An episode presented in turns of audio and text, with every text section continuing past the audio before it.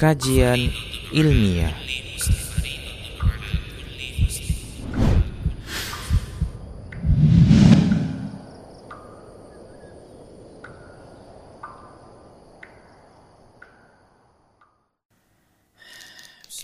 Assalamualaikum warahmatullahi wabarakatuh. Innal hamdalillah nahmaduhu wa nasta'inuhu wa nastaghfiruh ونعوذ بالله من شرور أنفسنا وسيئات أعمالنا. من يهده الله فهو المهتد ومن يضلل فلن تجد له وليا مرشدا. أشهد أن لا إله إلا الله وحده لا شريك له وأشهد أن محمدا عبده ورسوله الذي لا نبي بعده. وقال الله سبحانه وتعالى يا أيها الذين آمنوا اتقوا الله حق تقاته ولا تموتن إلا وأنتم مسلمون. يا أيها الذين آمنوا اتقوا الله وقولوا قولا سديدا. يصلح لكم أعمالكم ويغفر لكم ذنوبكم. ومن يطع الله ورسوله فقد فاز فوزا عظيما.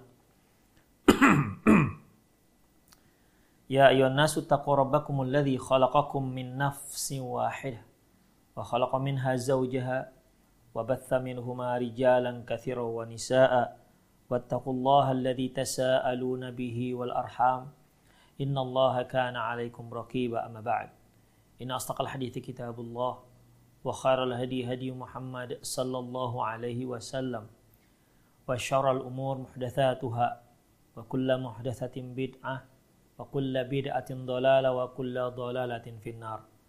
Ma'asyar muslimin, para pemirsa Rosa TV, serta para pendengar radio Medan Mengaji di mana pun Anda berada. Alhamdulillah, Allah subhanahu wa ta'ala masih memberi kita kesempatan untuk melanjutkan kajian kita sunnah-sunnah harian.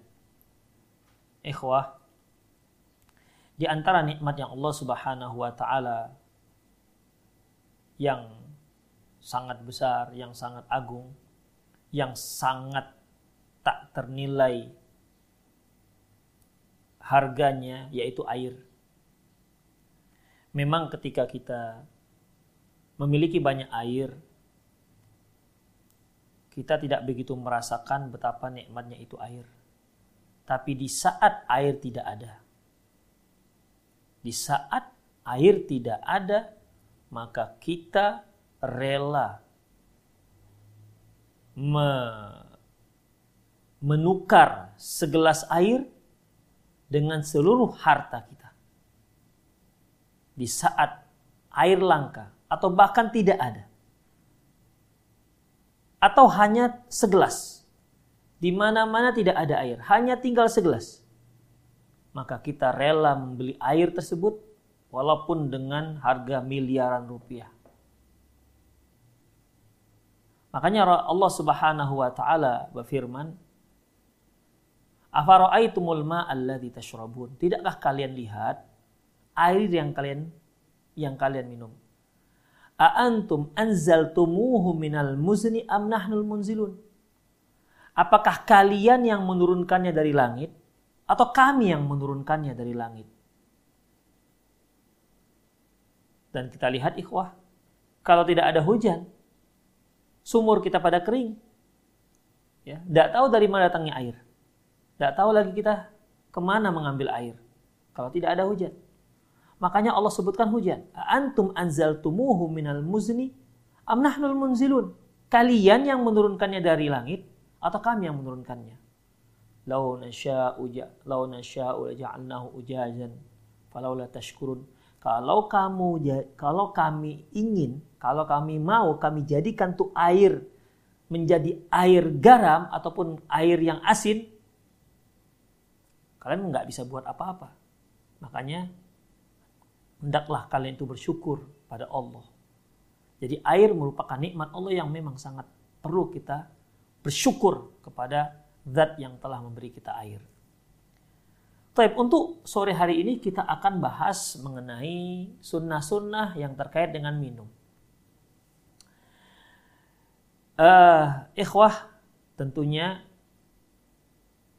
sebelum kita minum, ya sebelum kita minum, kita jangan lupa Ini merupakan nikmat Allah Subhanahu wa taala. Makanya jangan lupa baca bismillah.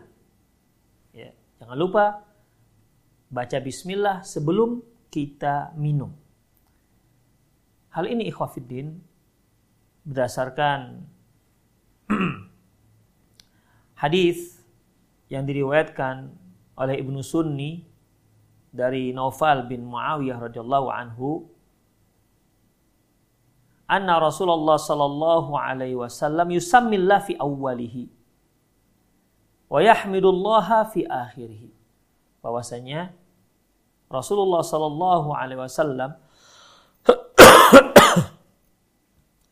menyebutkan nama Allah di awalnya dan mengucapkan alhamdulillah di akhirnya. Sebelum kita minum jangan lupa baca bismillah. Itu yang pertama ikhwah. Yang kedua, ya, jadi ini sama seperti makan. Sebagaimana sunnah-sunnah makan yang telah kita bahas di kajian lalu, ya, sebelum kita makan kita baca Bismillah. Ingat tanpa Ar-Rahman dan Ar-Rahim. Cukup dengan ucapan Bismillah. Yang kedua yaitu minum dengan tangan kanan. Karena Rasulullah Shallallahu Alaihi Wasallam menyatakan la yaqulanna ahadukum bishimalihi wa la yashrabanna biha. Fa inna syaitan ya'kulu wa yashrabu biha. Janganlah salah seorang kalian makan dan minum pakai tangan kiri. Tidak boleh. Mengapa demikian? Fa inna syaitan ya'kulu wa yashrabu biha. Karena setanlah yang makan dan minum pakai tangan kiri. Makanya mereka-mereka yang makan, uh, yang minum dan makan pakai tangan kiri itu nyerupai setan. Ya, itu menyerupai setan. Bagaimana kalau kita minumnya seperti ini? Tangan kiri tapi ditopang pakai tangan kanan. Ikhwah, perlu kita ketahui bahwasanya hukum makan dan minum itu sama. Ya, hukum makan dan minum sama. Kalau kita katakan boleh seperti ini, berarti kita boleh juga dong ambil sendok pakai tangan kiri, kemudian di, ditopang pakai tangan kanan. Makanya ikhafidin apa yang menghalangi kita untuk pegang langsung tangan kiri? Apa masalahnya? Kotor, belepotan. Ya. Memang kalau kita sudah memakai gelas tersebut, pakai kita pegang tangan kiri dan belepotan lah ya. Ya. Kalau kita pakai tangan kanan belepotan katanya kenapa? Karena tangan kanan digunakan untuk makan. Jadi kalau pegang gelasnya nanti belepotan. Tapi memangnya kalau setelah kita pakai ini gelas, nggak dicuci lagi dengan pemiliknya. Dicuci juga. Terus kalau belepotan memang kenapa? Ada masalah? Nggak ada masalah ikhwafiddin. Ya, rahimani Allah wa iyyakum. Jadi sudah jangan campur-campur antara sunnah Rasulullah dengan dengan setan. Jangan, udah. Langsung saja. Satu tangan. Gak usah pakai tangan tangan tangan kiri. Sebagaimana kita makan pakai tangan kanan tidak dibantu-bantu dengan tangan uh, dengan tangan kiri. Demikian ikhwah. Jadi pakailah gunakan tangan kanan ketika minum. La yaqulan ahadukum bishimalihi wa la biha. Rasulullah menyebutkan dengan nun taukid penegasan. Janganlah sekali-sekali kalian makan dan minum pakai tangan kiri. Alasannya fa inna syaitan ya'kulu wa. Karena sesungguhnya setanlah yang minum, yang makan dan minum pakai tangan kiri. Kemudian ikhwatifiddin rahimanallahu wa iyyakum. Selanjutnya yaitu minum sambil duduk. Ya. Minum sambil duduk. Dalam sebuah hadis yang diriwayatkan oleh Imam Muslim dari Abi Hurairah radhiyallahu anhu, Rasulullah Shallallahu Alaihi Wasallam bersabda, la yashrabanna ahadum minkum qa'iman faman nasya falyastaqi. Janganlah salah seorang kalian minum sambil berdiri. Kalau dia lupa, maka dia muntahkan tuh airnya. Apa yang telah dia minum, dia muntahkan. Dalam hadis yang lain, yang diriwayatkan oleh Imam Ahmad dari Abi Hurairah radhiyallahu anhu, Lau ya'lamu alladhi yashrabu wa huwa qa'im ma fi batnihi lastaqa'a. Seandainya orang yang minum sambil berdiri itu tahu apa yang apa jadinya nanti di perutnya, niscaya dia akan muntahkan air yang telah dia minum tadi. Ikhwafiddin, dari sini ya jelas larangan dari Rasulullah Sallallahu Alaihi Wasallam. Ya, bahwasanya Rasulullah Sallallahu Alaihi Wasallam melarang minum dengan tangan, uh, melarang minum sambil berdiri. Barang siapa yang lupa, famanasya, falyastaqi. Kalau dia lupa, dia muntahkan. Lantas apa hukumnya ini? Apa hukum minum dengan minum sambil berdiri? Ikhwah zohirnya kalau kita lihat hadis, sampai Rasulullah mengatakan harus dimuntahkan. Ya, dimuntahkan. Beliau menyebutkan larangan. La yashrobanna. Ditambah lagi dengan nun taukid. Penegasan. Zohirnya ikhwah. Ya, di sini larangan. Al aslu fi, fi nahi ya tahrim al aslu fin nahyi ya di tahrim bahwasanya pada dasarnya larangan itu hukumnya haram. Tetapi ternyata ikhwah ya ada hadis-hadis yang lain di mana hadis tersebut menyebutkan bahwasanya Rasulullah Shallallahu alaihi wasallam minum sambil berdiri. Di antaranya dari Ali bin Abi Thalib radhiyallahu anhu. Ali bin Abi Thalib radhiyallahu anhu ketika beliau meminta air wudhu. Ya, meminta air wudhu setelah dia wudhu, sisanya dia minum sambil berdiri. Sisanya beliau minum sambil berdiri. Kemudian dia katakan, Inni ra'aitu Rasulullah sallallahu alaihi wasallam fa'ala kalladhi ra'aitumuni fa'altu. Sesungguhnya aku melihat Rasulullah sallallahu alaihi wasallam melakukan seperti yang kalian lihat. Ya. Sesungguhnya aku melihat Rasulullah SAW melakukan seperti yang aku lakukan sekarang. Apa itu? Ya minum sambil berdiri. Fa'ahbabatu an uriyakum. Dan aku ingin memperlihatkan hal itu kepada kalian. Seolah di sini Ali bin Abi Thalib radhiyallahu anhu ingin uh, apa namanya me, membantah orang-orang yang yang menyatakan dilarangnya, diharamkannya uh, minum sambil sambil berdiri. Jadi sengaja Ali bin Abi Thalib minum sambil berdiri untuk memperlihatkan hal itu kepada kaum muslimin dan beliau menisbatkannya kepada Rasulullah Shallallahu Alaihi Wasallam. Jadi bukan ijtihad beliau, tapi apa yang telah beliau langsung lihat dari Rasulullah Shallallahu Alaihi Wasallam. Demikian juga dari Abdullah bin Umar, ya, di mana dia mengatakan kunna fi ahdi Rasulillah sallallahu alaihi wasallam. Dahulu kami pada zaman Rasulullah sallallahu alaihi wasallam masih hidup. Na'kulu wa namshi wa nashrabu wa nahnu qiyam. Kami dahulu pada zaman Rasulullah sallallahu alaihi wasallam kami makan sambil berjalan dan kami minum sambil berdiri.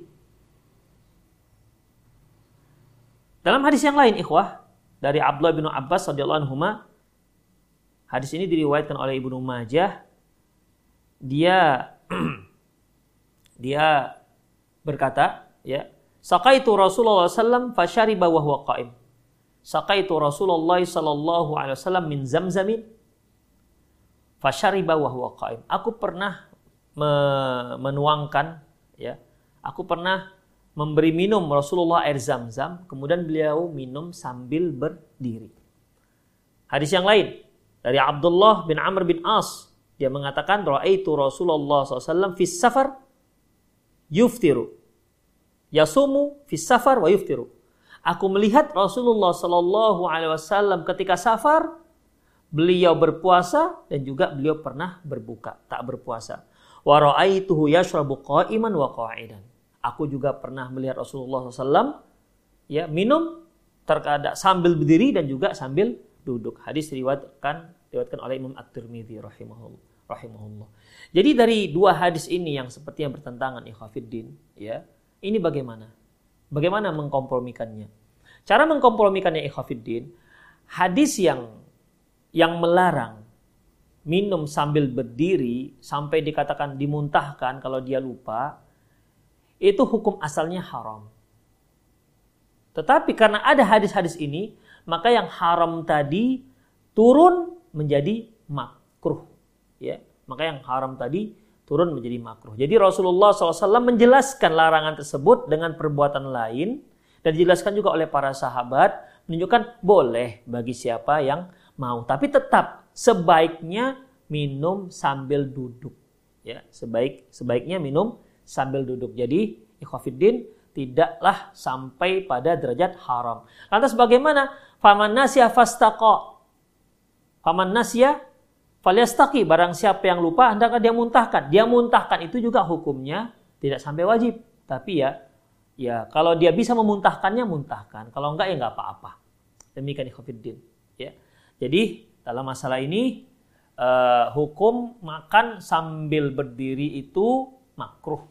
Adapun hukum yang terbaik afdolnya min, uh, hukum minum sambil berdiri itu uh, makruh ya, tidak sampai pada derajat haram sebaiknya kita minum sambil sambil duduk. Kemudian ikhtifidin rahimani Allah wa iyyakum. Selanjutnya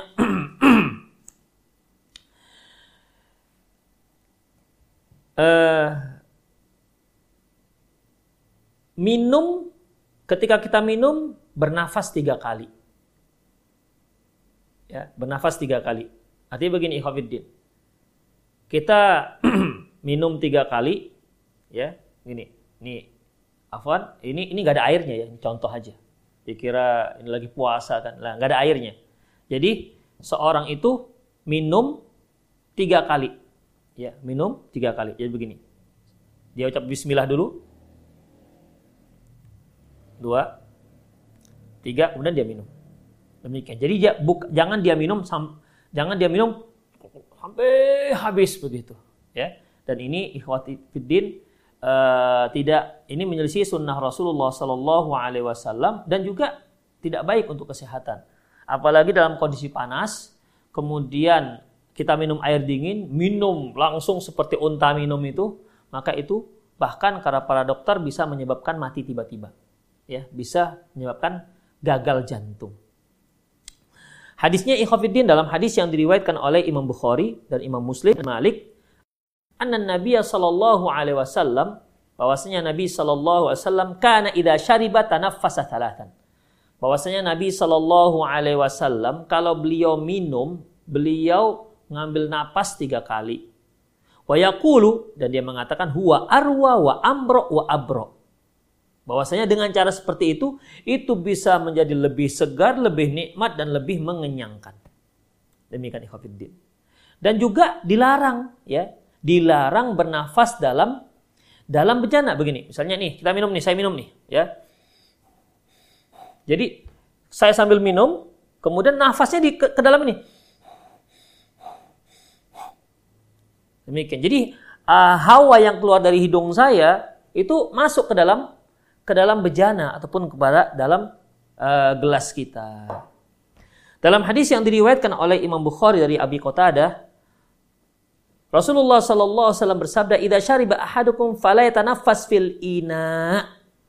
Apabila salah seorang kalian minum, jangan dia bernafas dalam bejananya. Jangan, ya. Jangan dia bernafas dalam bejananya, nggak dibolehkan. Idza syariba ahadukum fala yatanaffas fil ina.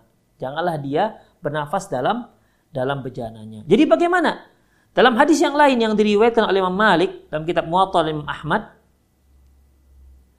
uh, dari Abi Sa'id Al-Khudri radhiyallahu anhu di mana Rasulullah memberitahukan caranya gimana? Kata beliau, "Fa'abin al-qadaha anfika summa tanaffas." Jauhkan mulutmu dari bejana, kemudian baru nafas. Jadi minum nih. Tadi dah bismillah ya, bismillah. Nah, lagi. Nah, begitu. Jadi jangan di situ. Ya, syukur-syukur nggak ada yang keluar dari hidungnya. Jadi dijauhkan mulutnya dari dari apa namanya dari gelasnya ini. Saya ulangi, dia jangan bernafas sambil minum di dalam di dalam gelasnya. Hendaklah dia jauhkan mulutnya dan bernafas di di luar. Hmm. Nah, demikian. Selanjutnya ikhafidin, bagaimana dengan kalau seandainya minuman kita ini panas? Eh, kita baru saja minum apa ya? uh, teh panas misalnya. Boleh nggak kita ha, begitu, dihembus supaya dia agak sedikit dingin. Nah, dalam masalah ini ikhafidin rahimani Allah wa iyyakum ya. Rasulullah sallallahu alaihi wasallam melarangnya. Hadis ini diriwayatkan oleh Imam Ahmad, Abu Daud dan Imam Tirmidzi ya di mana naha Rasulullah SAW ayatanaffas fil ina'i au yanfukhu fihi. Rasulullah Shallallahu Alaihi Wasallam melarang bernafas di dalam bejana, dalam gelasnya, atau menghembusnya. Maka tidak dibenarkan. Jadi bagaimana caranya? Ya, kita pakai cara yang lain untuk mendinginkan minuman kita. Ya, apakah kita salin di dituang ke gelas yang lain, kita bolak-balikkan seperti orang lagi main teh tarik itu loh. Ya, atau diletakkan di di piring. Nah, tunggu sebentar. Atau kita minum pakai sendok dikit-dikit. Demikian. Tapi menghembus tidak dibolehkan. Ya, tidak dibolehkan. Ini mirip dengan dengan bernafas tadi. Bernafas saja di gelas gak dibolehkan apalagi sampai meng, menghembus. Ya, para para ahli medis mengatakan ya itu merupakan ini ini larangan ini cocok dengan kesehatan karena kalau kita hembus itu mungkin ada apa namanya kotoran-kotoran yang masuk ke ke dalam minuman kita. Apalagi kalau minuman ini minuman yang digilirkan ke yang lain. Selanjutnya ikhwatibidin rahimani Allah wa iyyakum. Yang perlu diperhatikan lagi dalam masalah minum yaitu jangan minum langsung di mulut tempat air minum. Seperti ceret ya. Ceret gitu. Langsung minum. Kita kita emut dari apa namanya leher ceretnya itu misalnya dari mulut ceret atau dari bejana gede begitu tempat air minum besar kita minum begitu langsung jangan Rasulullah sallallahu alaihi wasallam bersabda ya, annahu sallallahu alaihi wasallam naha ayyashraba min fi saqa bahwasanya Rasulullah sallallahu alaihi wasallam melarang langsung minum dari tempat tempat air. Mengapa ikhwatiddin para ulama memberikan uh, penjelasan ya bisa saja tidak terkendali itu air. Tak terkendali akhirnya menumpahi dirinya, membasahi dirinya. Satu. Atau bisa saja ada serangga dalam air di dalam bejana tersebut. Jadi bagaimana ikhafidin tuangkanlah ke ke gelas. Jadi kita lihat airnya ada, bagus airnya. Kan bisa saja air yang kita minum langsung ya. Air yang kita minum langsung dari tempat bejananya itu bisa saja airnya sudah kotor atau ada serangganya atau mungkin tak terkendali sehingga menumpahi menumpahi wajah kita dengan air tersebut. Sayang airnya ter, tertumpah. Demikian ikhwatiddin. Jadi uh, apa namanya salinlah dulu ke dalam gelas kita baru kita kita minum berlahan. Kemudian dalam Islam dilarang minum berlebihan. Dilarang minum berlebihan. Yang namanya berlebihan itu dilarang dalam Islam. Dalam semua hal. Ya. Allah Subhanahu wa taala firman, dalam soal Araf ayat 31 wa kulu washrabu wa la tusrifu innallaha la yuhibbul musrifin makan dan minumlah kalian tapi jangan berlebihan. Segala yang berlebihan itu ikhwah itu sudah melampaui batas. Yang melampaui batas itu semua yang melampaui batas itu dilarang dalam dalam Islam. Dalam sebuah hadis yang diriwayatkan oleh Imam Muslim dari Abi Hurairah radhiyallahu anhu Rasulullah Shallallahu Alaihi Wasallam pernah bersabda, al mu'min yashrabu bimi'an wahidan wal kafiru yashrabu bi sab'ati am'a. Seorang mukmin itu minumnya dengan satu usus, satu perut. Dan orang kafir itu minumnya dengan tujuh perut. Rasulullah pernah kedatangan seorang, dia kafir ya, datang ke rumah Rasulullah sebagai tamu, ya Rasulullah jamu dia dengan menyuguhkan segelas air susu kambing. Setelah dia minum, dihabiskan gelas susu air kambing. Rasulullah perintahkan lagi apa namanya pengembalanya, coba diperahkan lagi susu. Maka dihadirkan untuk dia gelas yang kedua. Kemudian belum cukup juga, disuguhkan yang ketiga, keempat, sampai tujuh. Sampai tujuh gelas baru dia kenyang. Tak berapa lama kemudian orang ini masuk Islam. dan kembali bertamu kepada Rasulullah Sallallahu Alaihi Wasallam. Kemudian Rasulullah suguhkan satu gelas. Setelah dia minum satu gelas, Rasulullah tambah lagi satu gelas. Ternyata dia nggak sanggup lagi minum gelas yang kedua. Sudah kenyang dengan dengan satu gelas. Jadi memang beda porsi, ya porsi perut orang mukmin dengan orang kafir itu beda, ya berbeda. Cara makannya juga beda. Makanya ikhafidin, ya kita jangan terlalu berlebihan melampaui batas minum. Ya, ya secukupnya, ya yang secukupnya sebagaimana halnya dengan dengan makan. Selanjutnya ikhwah, setelah kita minum, ya, setelah kita minum, maka disunahkan kita untuk mengucapkan alhamdulillah. Mengucapkan alhamdulillah dan doa. Ada doanya. Doanya yaitu hadis yang diriwayatkan oleh Imam Abi Daud dan Imam Nasai di mana Rasulullah Shallallahu alaihi wasallam bersabda, mang uh, di mana karena Rasulullah sallam karena Rasulullah sallallahu alaihi wasallam idza akala au syariba apabila beliau makan ataupun minum qala beliau mengucapkan alhamdulillahilladzi at'ama wa saqa. Segala puji bagi Allah yang telah memberi kita makan dan yang telah memberi kita minum. Wasawwaghahu wa ja'ala lahu makhraja dan mudahnya dan Allah juga telah memudahkan itu semua dicerna dan Allah telah memberikan jalan keluarnya. Jadi baik makanan dan minuman Allah mudahkan, Allah mudahkan kita cerna dan Allah mudahkan juga keluar ampasnya. Ya. Jadi ini ya supaya kita tidak terkena sembelit lah ya. Berapa banyak orang minum tapi ketika dia buang air kecil, dia terasa berat. Kenapa? Ternyata dia kena sakit batu karang. Jadi ikhwafiddin, buang buang air kecil itu juga merupakan nikmat. Mereka yang lancar buang air kecilnya ini merupakan nikmat. Ya. Ini merupakan nikmat besar dari Allah Subhanahu wa taala. Dan memang tidak ada satupun nikmat Allah yang nggak besar. Ya. Tidak ada satupun nikmat Allah yang nggak besar yang diberikan kepada kita. Buktinya ketika nikmat tersebut hilang, baru kita merasakan betapa berharganya nikmat tersebut. Sama seperti ketika seorang yang sudah sulit untuk buang sulit untuk buang buang air. Ya. Dia rela mengeluarkan uangnya jutaan, mungkin juga miliaran demi supaya buang airnya lancar.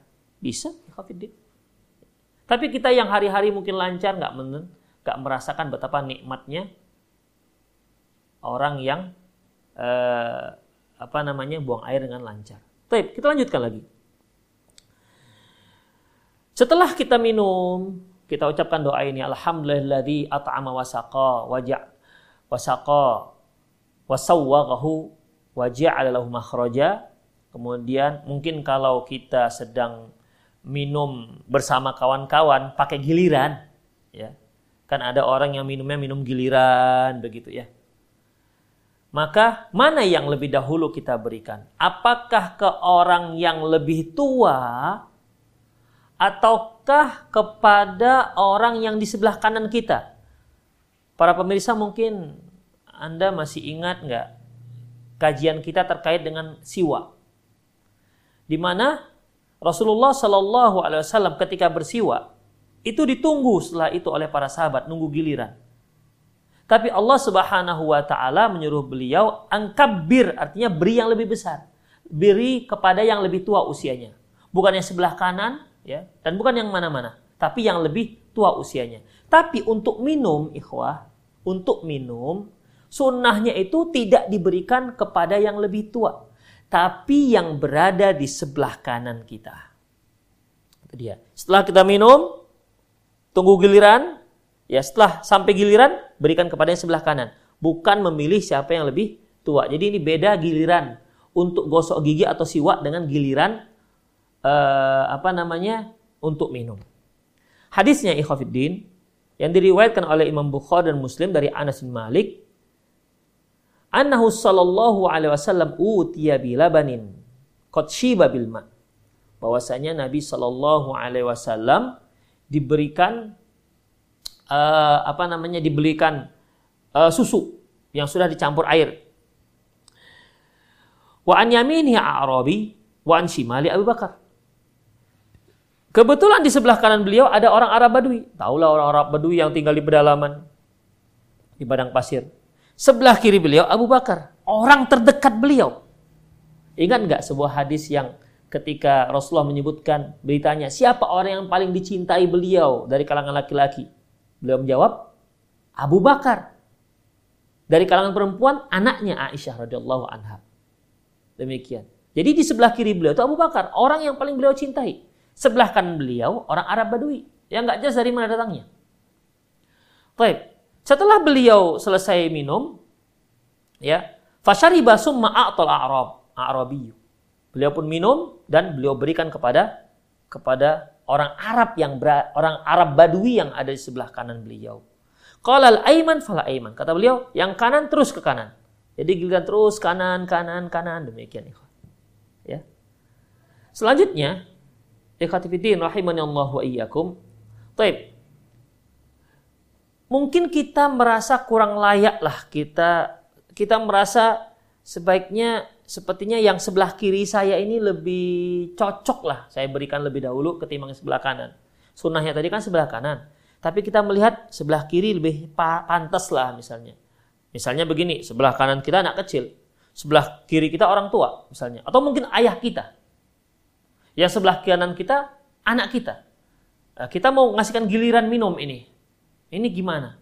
Apakah ke anak kita? Nggak sopan dong dengan ayah kita. Kalau mau kita kasihkan ke ayah kita yang sebelah kiri, kita menyalahi sunnah. Rasulullah SAW. Lantas apa yang kita lakukan? Boleh dia minta izin. Nah, kasih ayah dulu ya. Nah, begitu. Minta izin. Kal, tapi ikhafidin kalau dia izinkan silahkan. Tapi kalau dia nggak izinkan tetap kanan, kanan, kanan, dan kanan. Dalam hadis yang diriwayatkan oleh Imam Bukhari dari Sahal bin Sa'ad. Anna Nabiya sallallahu alaihi wasallam utiya bi syarabin fashariba minhu. Bahwasanya Nabi sallallahu alaihi wasallam diberikan sebuah minuman. Lantas beliau pun minum.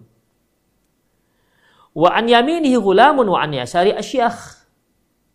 Kebetulan sebelah kanan beliau itu ada anak-anak kecil.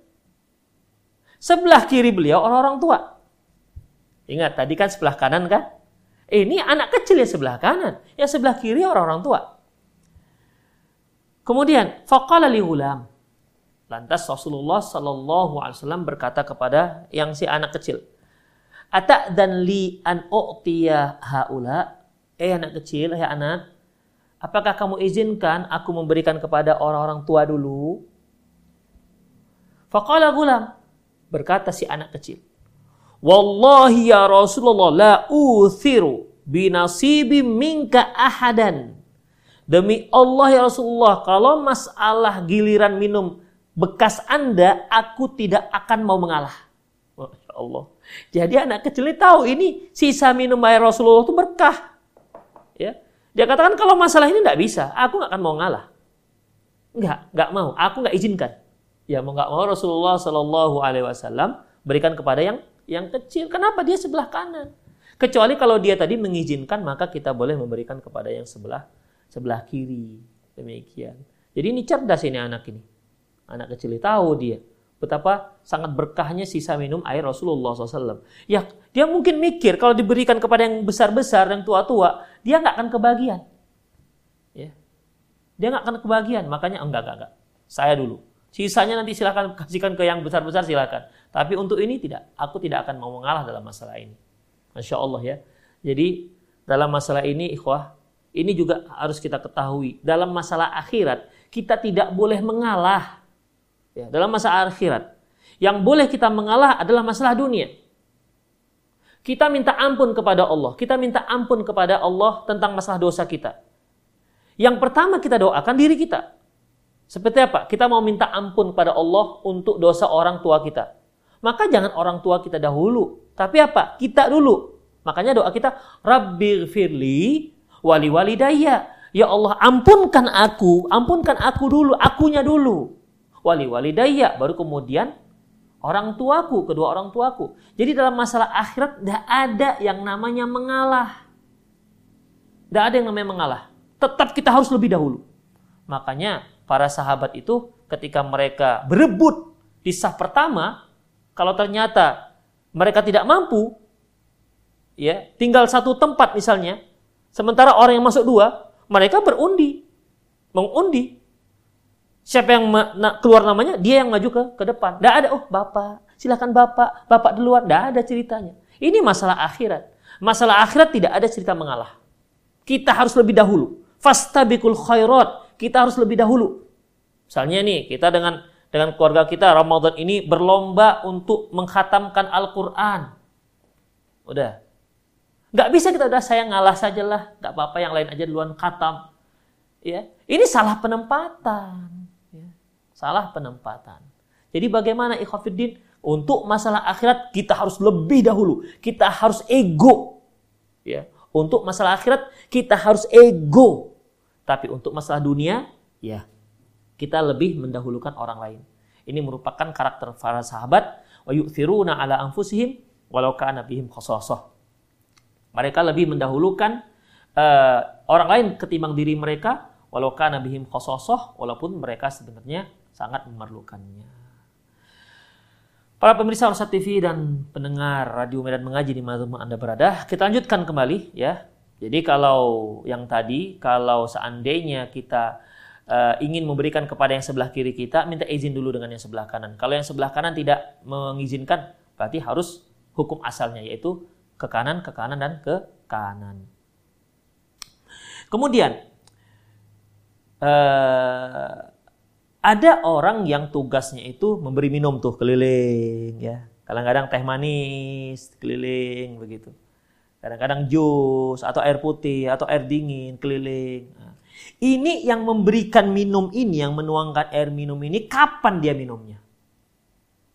Apakah sebelum dia kasih orang lain, dia min, dia tuangkan dulu untuk dia, kemudian dia aha, dia sisihkan dulu untuk dia, baru kemudian orang lain? Atau gimana? Nah, untuk orang yang memberi minuman, maka minum untuk dia itu adalah minuman terakhir. Dalam hadis yang diriwayatkan oleh Imam Muslim dari Abi Qatadah, qala sallallahu alaihi wasallam, "Inna saqiyal qaum akhirum syurban." Sesungguhnya orang yang memberi minum satu kaum, dia minumnya yang terakhir. Masya Allah ya. Kalau kita kan cenderungnya, apalagi minuman itu minuman lezat, minuman enak. Kita, wah saya duluan nih, dituang dulu, disisihkan di di, disembunyikan dulu kan. Di sisi ah ini untuk minuman saya. Baru kemudian dia dia bagikan ke yang lain. Dalam Islam ternyata tidak seperti itu ikhwah. Ya ternyata dalam Islam nggak seperti itu. Anda yang memberi minum mereka maka anda yang minum terakhir. Ya syukur-syukur ada lebih. Kalau nggak ada lebih ya sudah. Qadarullah masyafa'ala itulah dia. Ya jadi dalam masalah ini itu namanya masalah dunia maka kita dahulukan orang lain Selanjutnya, gelas yang kita minum itu, yang kita gunakan. Hukum asal bejana, ikhwah, ya, ini adalah al-aslu fi syai' al-ibaha. Al-aslu fi syai' al-ibaha. Pada dasarnya segala sesuatu itu hukumnya boleh. Kita buat gelas dari apa nih? Ini keramik, ya, mau dari melamin, mau dari besi, mau dari nikel, mau dari perak, mau dari emas, mau dari bahan apa pun, mau dari bahan tembikar, dari tanah, dari batu terserah, boleh hukum asalnya. Ayatnya yaitu huwallazi khalaqalakum ma fil ardi jami'a. Sesungguhnya Allah lah yang telah menciptakan seluruh yang ada di muka bumi ini untuk kalian. Silahkan kalian gunakan. Ya, silahkan kalian gunakan sebaik-baiknya. Explore sebaik-baik kalian. Kalau ada yang mengatakan, oh yang ini nggak boleh, yang itu nggak boleh, seperti yang kemarin bahwasanya laki-laki nggak boleh pakai emas dan nggak boleh pakai sutra. Kenapa kita katakan nggak boleh pakai emas dan tidak boleh pakai sutra bagi kaum laki-laki? Karena Rasulullah mengharamkan. Ya. Hurrima ala dhukuri ummati. Inna hadaini hurrima ala dhukuri ummati. Sungguhnya dua barang ini, maksudnya sutra dan emas, diharamkan untuk laki-laki umatku. Wahillun liinasiha, liinasi. Dan halal bagi wanita-wanitanya. Demikian juga gelas ini. Kita pakai gelas, ya, pakai minum, silakan pakai dari benda apa saja. Kalau ada yang mengatakan, oh yang ini haram, yang ini halal, berarti pengecualian. Pengecualian itu harus ada dalilnya. Nah, seperti apa ikhwafiddin? Seperti minum menggunakan bejana dari emas dan perak. Ini tidak dibolehkan, diharamkan. Rasulullah Shallallahu Alaihi Wasallam bersabda dalam hadis yang diriwayatkan oleh Imam Muslim, ya, La yashrabanna ahadukum fi nai'ain min adh-dhahabi wal fiddah. Janganlah salah seorang kalian minum dengan uh, dengan gelas yang terbuat dari dan bejana yang terbuat dari emas dan perak. Wala ta'kulu fi sihafihima. Dan jangan juga kalian makan dengan piring atau bejana yang terbuat dari emas dan perak. Dan ancamannya yaitu mereka yang makan alladzina ya'kul dan mereka-mereka yang minum dan makan pakai bejana tersebut innama yujarjiru fi batni nar jahannam sungguhnya mereka itu sedang menyala-nyalakan api neraka dalam perutnya. Jadi tidak boleh makan dan minum dengan bejana atau gelas yang terbuat dari emas dan perak. Selebihnya silahkan. Ya, selebihnya silahkan. Oh, bagaimana kalau saya mendapatkan intan sebesar sebesar uh, gelas ini. Kemudian saya jadikan dia menjadi gelas. Boleh nggak? Nggak masalah. Karena hukum asalnya dibolehkan. Oh, tapi kan lebih mahal dibandingkan emas dan perak. Walaupun lebih mahal dibandingkan emas dan perak. Karena untuk tidak membolehkan itu butuh apa? Dalil yang melarangnya. Selanjutnya ikhwah, ya, Ketika kita minum, setelah minum kan tadi sudah ada doanya. Ya, Alhamdulillahilladzi at'ama wa saqah wa wa ja'alahu makhraja. Tapi kalau kita baru selesai minum susu, ada doa khusus. Ada doa khusus setelah minum air susu. Hadis ini diriwayatkan oleh Imam Ahmad, Abu Daud dan Imam Tirmidzi. Di mana Rasulullah Shallallahu Alaihi Wasallam bersabda, "Ida syariba labanan falyakul apabila kalian apabila seseorang minum susu hendaklah dia katakan Allahumma barik lana fi wazidna minhu." Ya Allah, ya Allah, berkahilah kami di susu ini wazidna minhu dan tambahkanlah susu ini. Demikian ikhwafiddin. Uh, ini afwan doa ini ternyata diucapkan sebelum minum susu. Ya. Kalau tadi kan doa setelah minum ya. Alhamdulillah at'ama wa saqa wa sawwaghahu wa ja'alahu makhraja. Uh, sebelum minum kita mengucapkan bismillah. Untuk minum susu kita ucapkan Allahumma barik lana fi wazidna minhu. Allahumma Allahumma barik lana fi wazidna tambahkan wazidna minhu dan tambahkan susu ini untuk kami. Kemudian baru bismillah. Saya ulangi doanya kalau mau minum susu Allahumma barik lana fi wazidna minhu. Ini khusus untuk susu. Gimana kalau minum jus, minum kopi atau minum apa lagi? Enggak. Ya minum minuman yang lain semuanya sama. Tapi kalau untuk minum susu, ini doa khusus. Kemudian ikhwafiddin, Rasulullah Shallallahu Alaihi Wasallam menganjurkan kita untuk minum susu sapi. Ada keutamaannya. Hadis ini diriwayatkan oleh Imam Hakim dari Abdullah bin Mas'ud. Beliau mengatakan, "Alaikum bil bi albanil bakor." Hendaklah kalian minum susu sapi. Fa innaha tarummu min kulli syajar. Karena susu sapi itu ya berasal dari berbagai macam pohon-pohonan. Ya kan sapi kan makan daun ini, makan daun itu, makan daun ini. Wahwa syifa min kullida. Dan susu sapi itu merupakan obat untuk segala penyakit. Masya Allah. Mungkin selama ini kita hanya mengetahui uh, apa namanya madu, ya. Madu dan habbatus soda, habbatus soda, dawa syifa likulida. Ya kan? Habbatus soda merupakan obat untuk semua penyakit. Demikian juga madu. Ternyata susu sapi juga seperti itu. Ya. Susu sapi syifa mingkul lidah. Obat untuk semua penyakit. Selanjutnya ikhwah, setelah minum susu disunahkan kita untuk kumur-kumur. Ya, disunahkan untuk kumur-kumur. Hadis yang diriwayatkan oleh Ibnu Majah dari Ummi Salamah Rasulullah Shallallahu alaihi wasallam bersabda, "Idza syaribtumul labana fatamat madu minhu." Apabila kalian baru selesai minum susu, maka berkumur-kumurlah. Fa inna lahu dasaman. Karena di susu itu ada lemaknya. Ya kan ada lemaknya susu itu ikhwah ya supaya mulut kita lebih bersih tidak ada tersisa susunya maka berkumur-kumurlah selanjutnya apa lagi ikhwah?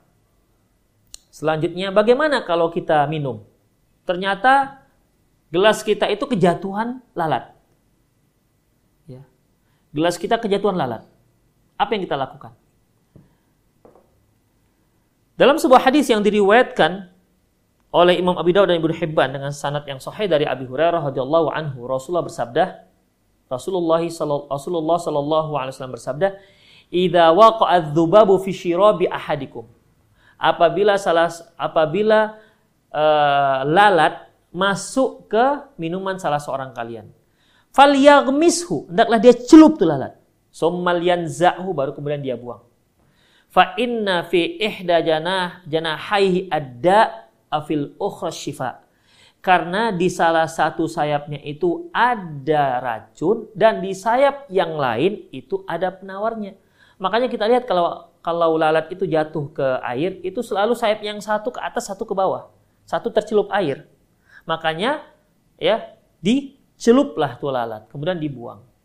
Demikian. Artinya apa? Setelah kita celup dibuang lalatnya bagaimana? Ya kita minum itu sudah higienis ya. Sudah bebas dari berbagai macam kuman-kuman yang ada di lalat. Kita tahulah lalat ke mana dia hinggap. Dia suka hinggap di, di kotoran-kotoran di sayapnya itu pun bahkan ada ada racunnya maka untuk menawarkan itu semua celup dia ya dicelup demikian setelah dicelup maka dibuang dan silakan anda itu air sudah layak untuk diminum sudah layak untuk diminum. Tapi Ustadz, kami nggak tega minumnya, terbayang-bayang lalatnya. Ya sudah, kalau nggak tega. Ya, lain lagi ceritanya kalau nggak tega. Nggak sanggup dia minum. Gitu dia minum, terbayang lalatnya masih berenang di di minuman tersebut. Ya sudah, nggak usah diminum. Tapi apa yang telah kita lakukan itu, ini sebenarnya air sudah layak untuk di, diminum. Ya mungkin karena kita masih punya banyak air minum, maka kita katakan ah nggak layak. Apa? Bukan nggak layak Eh, nggak tega. Coba kalau seandainya minuman kita satu-satunya segelas ini masuk lalat, coba buang airnya. Huh, saya kita, saya kira nggak teringat lagi tadi. Nggak ada lagi cerita tega. Kenapa? Tinggal satu. Atau kita beli jus. Kita beli jus ternyata jusnya mahal. Jusnya harga berapa? Jus harga 50 ribu misalnya. Masuk lalat. Mau dibuang? Sayang kan? Nah, udah celup aja celup lalatnya. Kemudian di, dibuang dan minum. Demikian, ya. Itulah salah satu solusinya. Demikian ikhwatiddin rahimani Allahu wa iyyakum hal-hal yang terkait dengan minum. Insyaallah waktu kita pas ya. Semoga apa yang kita bahas tadi banyak manfaatnya dan bisa kita praktekkan dalam kegiatan kita sehari-hari terutama terkait dengan masalah minum. Ya saya kira semua kita minum semua kita minum. Tapi adakah di antara kita yang minum ketika dia minum yang dia pikirkan bagaimana ya minum sesuai dengan sunnah Rasulullah Sallallahu Alaihi Wasallam. Sehingga minum itu ketika dia minum dia sekalian murojaah hadis yang telah dia ketahui. Oh begini begini begini teringat dia ikhafidin. Ya. Jadi ketika pun orang bertanya, bang kok seperti itu minumnya?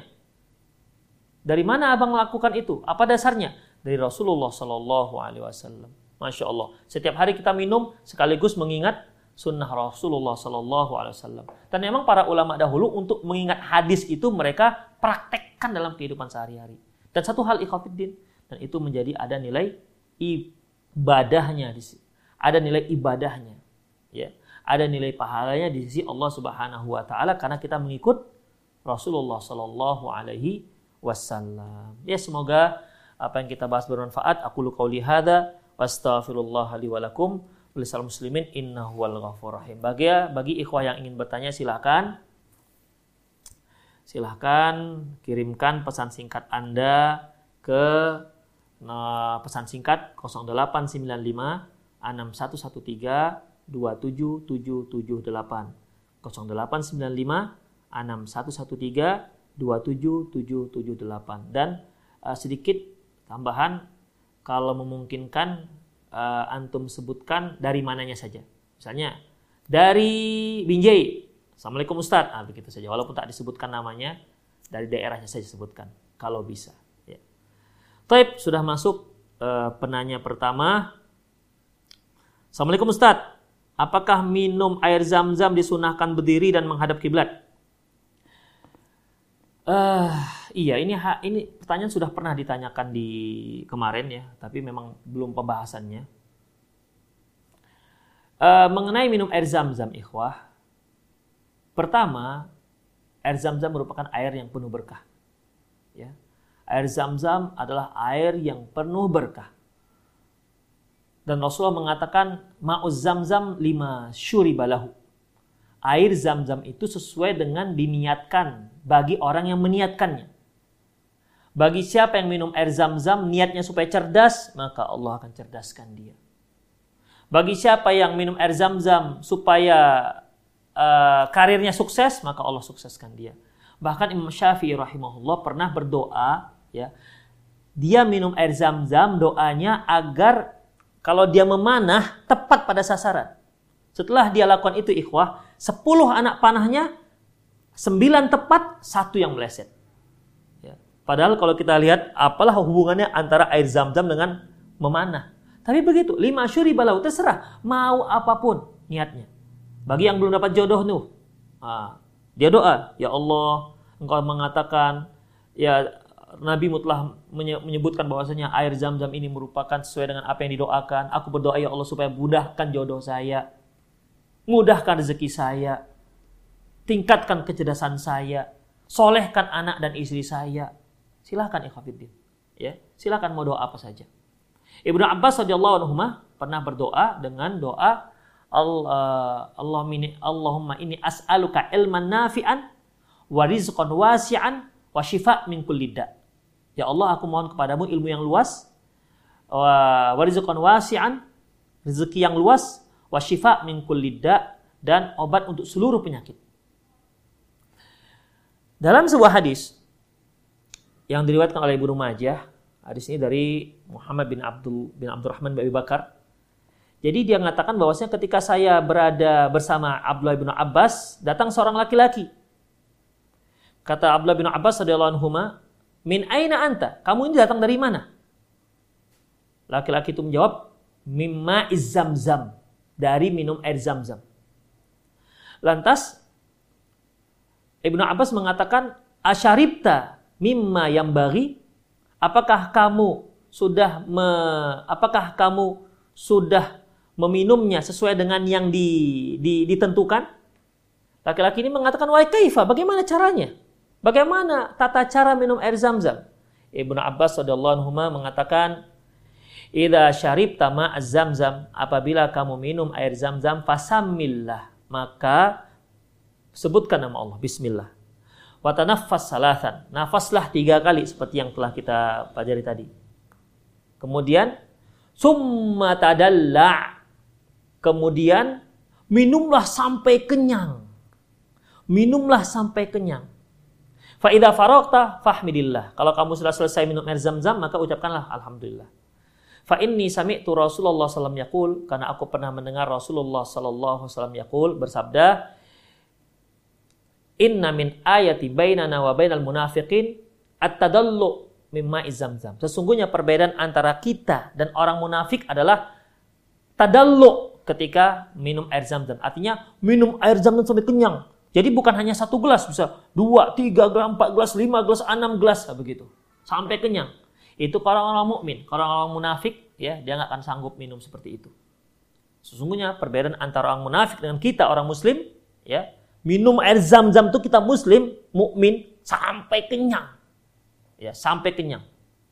Demikian ikhwatiddin, rahimanallahu aikum. Atadallu itu seperti kan rusuk, adilak rusuk. Ya seolah sampai airnya sudah sampai sini, begitulah. Saking banyaknya air yang kita minum. Tapi memang hadis ini ikhwah, uh, tadi ada satu lupa. Idza syaribta ma'az zamzam, apabila kamu minum air zam-zam, fastaqbilil kiblah, menghadaplah ke kiblat. Kemudian summa samillah, kemudian ucapkan bismillah, watanaffas salasan, kemudian e, nafaslah tiga kali, summa tadalla, kemudian minumlah sampai kenyang, tadallu. Fa idza faragta fahmidillah. Kalau kamu sudah selesai maka ucapkan alhamdulillah. Fa inni sami'tu Rasulullah SAW yaqul karena aku pernah mendengar Rasulullah SAW bersabda, Inna min ayatin bainana wa bainal munafiqin at-tadallu' fi fi, fi ma'iz zamzam. Sungguhnya perbedaan antara kita dan orang munafik adalah kenyang dalam minum air zam-zam. Hadis ini, Khafiddin, ya, dipresisikan oleh para ulama. Syekh Ishaq ini menyebutkan bahwasanya hadis ini hadis mutarib. Kalau Syekh Albani mengendoifkan hadis ini. Namun ada juga para ulama yang menghasankannya. Seperti yang menulis kitab eh kamu uh, kitab Ihkam Al-Haram ya Ihkam uh, Al-Haram Makki dan beliau menghasankan hadis ini demikian juga Syekh Masul Salman juga mengatakan mengomentari bahwasanya penulis itu mengatakan hadis hasan uh, Syekh Masul Salman mengatakan kalam wajih uh, uh, pendapat dia cukup kuat nah demikian ikhwatiddin jadi memang ada khilafiyah di kalangan para ulama.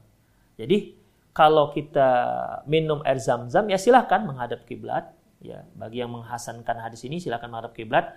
Adapun berdiri ketika minum air zam-zam, ya uh, kembali kepada uh, sunnah minum tadi, yaitu duduk. Duduk lebih uh, duduk itu lebih lebih afdol. Kecuali kalau memang dibutuhkan boleh sambil berdiri. Seperti Rasulullah SAW juga pernah minum air zam-zam sambil berdiri. Allahu alam bisawab.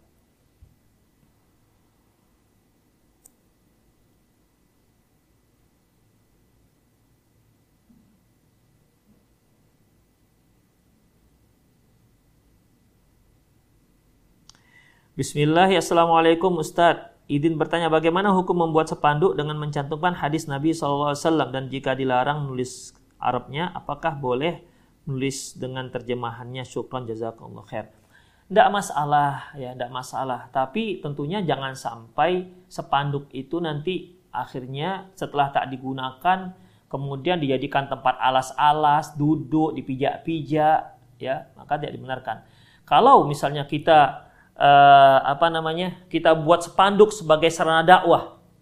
Misalnya kita uh, dakwahnya uh, karena Rasulullah yuftiru bit tamarat. Misalnya kita buat bahwasanya Rasulullah Shallallahu Alaihi Wasallam berbuka dengan minum makan kurma, ya, bir makan kurma yang masih ranum. Wa illa fabit tamarat, kalau tidak, maka kalau tidak ada beliau memakan kurma yang sudah sudah lama. Wa illa fahasa hasa hasawat minal. Kalau enggak, maka beliau minum minum air putih. Kita buat begitu sebagai apa namanya sebagai uh, pemberitahuan kepada kaum muslimin bahwasanya sunnah berbuka puasa itu yang seperti ini. Nah, demikian boleh. Tapi uh, hendaklah pakai bahasa Arab juga nggak ada masalah. Tapi ikhwafidin kalau yang sudah nggak dipakai, copot dan jangan dijadikan tempat dihinakan, dipijak-pijak, untuk sebagai alat duduk, jangan. Ya. Hindari dari ini semua. Allahu a'lam bishawab.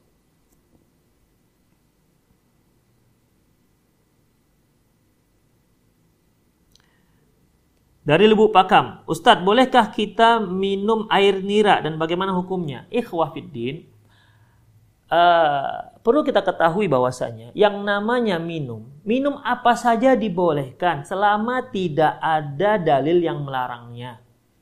Selama tidak ada dalil yang melarangnya. Kita minum nira, kita minum perasan apa namanya? perasan anggur, kita minum rendaman kurma, rendaman gandum, nggak ada masalah. Jus ini, jus itu nggak ada masalah. Ya sampai ada dalil yang mengharamkannya. Kalau dia berubah menjadi khamar, maka dia menjadi haram. Karena Allah Subhanahu wa taala firman, Ya ayyuhalladzina amanu innamal khamru wal maisir wal ansab wal azlam rijsum min amali syaitan. Wahai orang beriman, sesungguhnya khamar, judi, undi nasib dan berhala itu rijsun najis min amali syaitan. Itu termasuk amalan syaitan. Fajtanibuh jauhi dia. Jadi kalau niranya saja nggak ada masalah. Tapi kalau dia si nira ini setelah diolah, ditaruh ragi atau dijemur atau diolah hingga dia menjadi minuman yang memabukkan yang masyhur dengan nama tua yang bisa memabukkan, maka dia menjadi haram.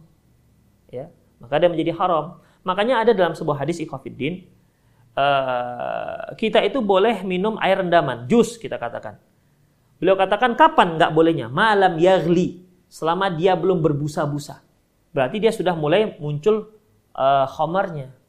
Oleh karena itu, sebelum dia berubah menjadi minuman yang bisa membuat kita mabuk, maka dia tetap menjadi halal. Tetap menjadi halal. Tapi kalau dia sudah berubah menjadi minuman yang bisa memabukkan kita, maka dia berubah hukum dari halal menjadi haram. Demikian. Jadi nira itu ya, ya kalau dia masih nira namanya, belum memabukkan, maka hukumnya halal. Tidak ada masalah.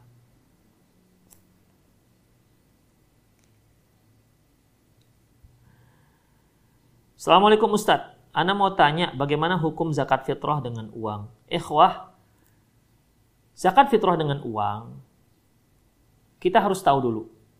Apakah pada zaman Rasulullah ada uang? Ada. Ya, ada mata uang, dinar dan dirham. Kemudian, dengan adanya mata uang pada zaman Rasulullah Sallallahu Alaihi Wasallam, pernahkah Rasulullah membayar zakat fitrah dengan uang? Nggak pernah. Oh Ustadz, dulu kan kaum muslim masih sedikit. Oke, okay. kita naik ke zaman Abu Bakar. Kaum muslimin sudah mulai ramai. Atau pada zaman Umar, di mana kaum muslimin sudah menaklukkan dua negara adidaya, Farsi dan Romawi atau lebih besar lagi, pada zaman Utsman sudah ke mana-mana kekuasaan kaum muslimin. Adakah mereka, adakah riwayat yang menyatakan mereka membayar zakat fitrah dengan uang? Kalau tidak ada, berarti memang tidak ada. Berarti memang tidak dibolehkan. Ustadz, sekarang ini kita lebih butuh uang ketimbang beras. Ikhwah, laukana khairon lasabakuna ilaih.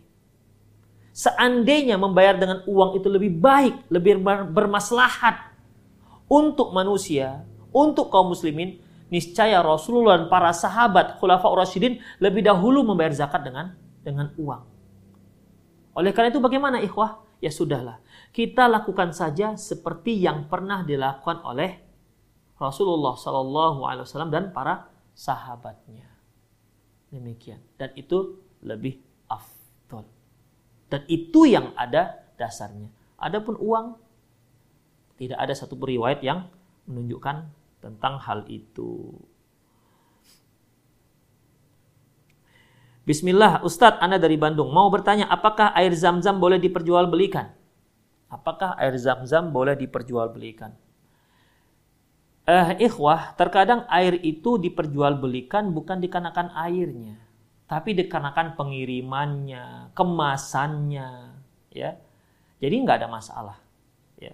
Tidak ada masalah memperjualbelikan eh, air dan juga air zam-zam. Ya tentunya yang harus yang asli ya. Jangan satu tong di sini tambah air zam-zamnya hanya satu gelas. Kemudian dikatakan air zam-zam, itu palsu nggak dibolehkan man ghasyana falaysa minna barang siapa yang menurhakai kami maka tidak termasuk kelompok kami Demikianlah ikhwah, sepertinya sudah jam 5 lewat 36 ya. Semoga apa yang kita bahas bermanfaat. Lebih dan kurang mohon maaf. Aku luka hadza wa astaghfirullah li wa wa muslimin innahu wal ghafur rahim.